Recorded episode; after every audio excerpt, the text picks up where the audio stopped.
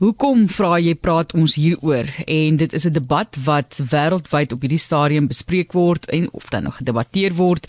En ons praat oor die wettiging van prostitusie en weer eens sit maar die radio af indien daar kinders by jou is en ons praat met Tersha de Klerk, sy is van die National Freedom Network en die Joseph Movement. Ons gaan vir 'n bietjie vra wat hulle doen en die belang hiervan. Baie welkom Tersha. Baie dankie, ek waardeer dit. Vertel net vir ons, hoekom moet ons enigsins hierdie gesprek hê? Hoekom is dit belangrik om enigsins te praat oor die wettiging van iets wat baie mense net voel glad nie moet bestaan natuurlik nie? Ja, dankie Martelies, dit is so 'n belangrike vraag. Die probleem is met prostitusie. Dit gaan hand aan hand met geweld, verkrachting, moord en selfs mensenhandel.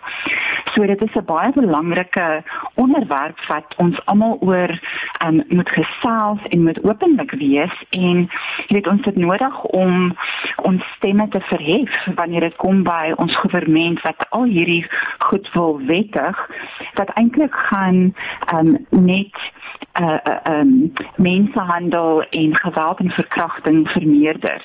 So dit is 'n baie belangrike onderwerp om net meer openlik uh, te gesels. So kyk, ons gaan nie aan hierdie kant is 'n mens nou objektief en ons gaan nie 'n volledige debat daaroor voer nie. Ons wil eintlik net hoor wat julle doen as organisasie hm. en ja. binne hierdie veld om mense veilig te maak binne daai situasie vir watter rede hulle ook al uh, in die posisie as 'n prostituut byvoorbeeld staan en of hulle soos jy sê daar is weens mensenhandel, dwang of hulle het dit op die einde gekies het want hulle voel dis die enigste uitweg vir hulle in terme van 'n inkomste om te sorg vir hulle self en hulle familie. Dis 'n baie ja. baie komplekse saak en komplekse rede vir hoekom mense in hierdie situasie hulle self bevind. Ja, nee, verseker, dit is baie waar. Dit is presies wat jy sê en wat ons gewoonlik sê en wanneer ons werk met um, hierdie slagoffers, ons glo dat dat mense in die prostitusiesisteem slagoffers is. Um presies wat jy wat, wat jy noem, is hulle is of slagoffers van hulle omstandighede. Um so ons sê nooit dat jy weet jy is jy het 'n besluit geneem om hier in te gaan nie. Dit gebeur baie met um mense wat voel dat van 'n ekonomiese punt af het hulle geen ander um, keuse nie en of natuurlik word hulle in dit ingeforseer deur mensenhandel byvoorbeeld.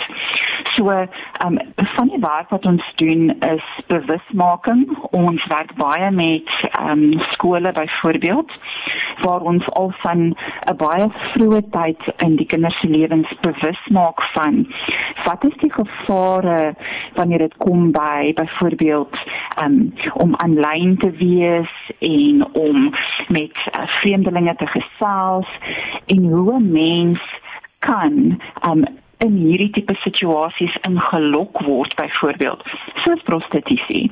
So ons het programme in skole en dan doen ons ook praatjies met uh, volwassenes. Ons fokus baie op onderwysers en ouers om hulle bewus te maak van wat ons noem die red flags van hulle met uitkyk en hoe hulle kan met hulle kinders ook kommunikeer om hulle meer ehm um, hoe kan mense sê sê maar streetwise te maak. Ja, mense moet pas op want jy weet mense jy dink ander mense is goeie mense, die mense wat jy teekom is goeie mense en dat jy veilig is in daai geselskap en op die ou end is jy geweldig blootgestel Johan. Ja, ek dink um, ons praat van aanlyn, maar ehm um, terwyl mense moet ook vra ehm um, is ons in lyn met wat in die wêreld aangaan want soos ons sê dis eintlik 'n ongemaklike onderwerp want is ehm uh, jy weet nog nie wettig nie terwyl daar sekere ja. lande is dit wat dit wel gewettig het. Gaan dit beter in daardie omgewings of is dit maar 'n uh, wêreldprobleem? Probleem? Ja nee, weet jy Johan, dit is baie waar. Dit is dit is 'n algemene uh, wêreldprobleem. Ons kyk na byvoorbeeld Duitsland en ons kyk na Nieu-Seeland waar hulle dit wel gewettig het. En wat ons sien met die statistieke wat ons vertrou is dat mensenhandel versekerlik um, opgeskiet het. So so die die die stats is verseker meer. Um, so nee, dit is dis absoluut 'n gevaarlike situasie om dit te doen. Die probleem is net met die met die prostitusie stelsel, is soos wat ek genoem het, is daar is soveel mishandeling wat gebeur. Al het 'n persoon byvoorbeeld gekies om in dit in te gaan, sodra hulle in daai stelsel is, dan is hulle hulle sien nie vir hulle self uitweg nie. So wat ons probeer sê vir die regering is die beste antwoord is daar is 'n derde opsie. En die derde opsie is gedeeltelike wettiging om die slagoffers te beskerm sodat hulle kan vrylik byvoorbeeld na die polisie toe gaan en al hierdie mishandeling um, rapporteer maar om dan die mishandelaars um, um, onwettig te hou. Um, want die wat hulle uitbuit is gewoonlik die die pimps en um, die mensenhandelaars ensovoorts en ook die sekskopers. So ons sê dat daardie mense, die uitbuitings en um, mensenhandelaars is wat onwettig gehou moet word. Maar kom ons kyk na 'n opsie waar die um, die soos wat hulle, hulle noem sekswerkers um, wat ook nie akkuraat is nie maar om hulle eerder te beskerm. En dan um, let's get to the root of the problem. Kom ons roei daai daai um, wortel eerder uit wat prostitusie net laat groei en um, mishandeling um, laat groei wat die moord taal ook laat groei byvoorbeeld.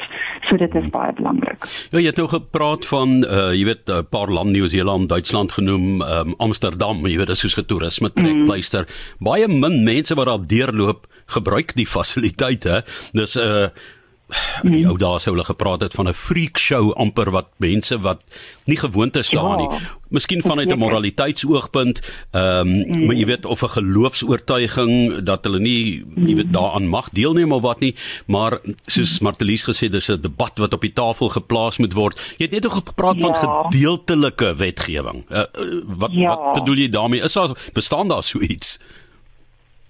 Ja, verseker daar is lande wat wat um, gedeeltelike wetgewing um in in stand gestel het. So wat dit beteken is dat um dieselfde punte word aangespreek as wat die regering sê hulle wil aanspreek, maar met betrekking tot die beskerming van die prostitusie slagoffers in die stelsel, hulle word dan beskerm.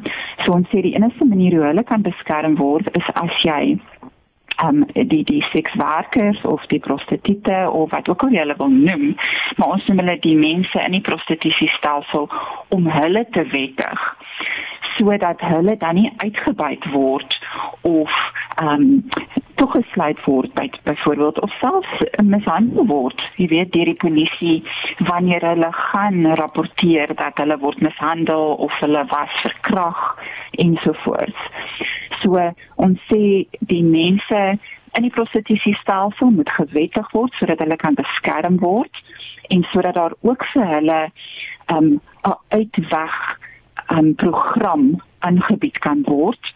Maar dan die uitbuiters die pimps en die, die brothels en um die kopers van seks moet nie gewettig word nie. Hulle moet wel streng vervolg word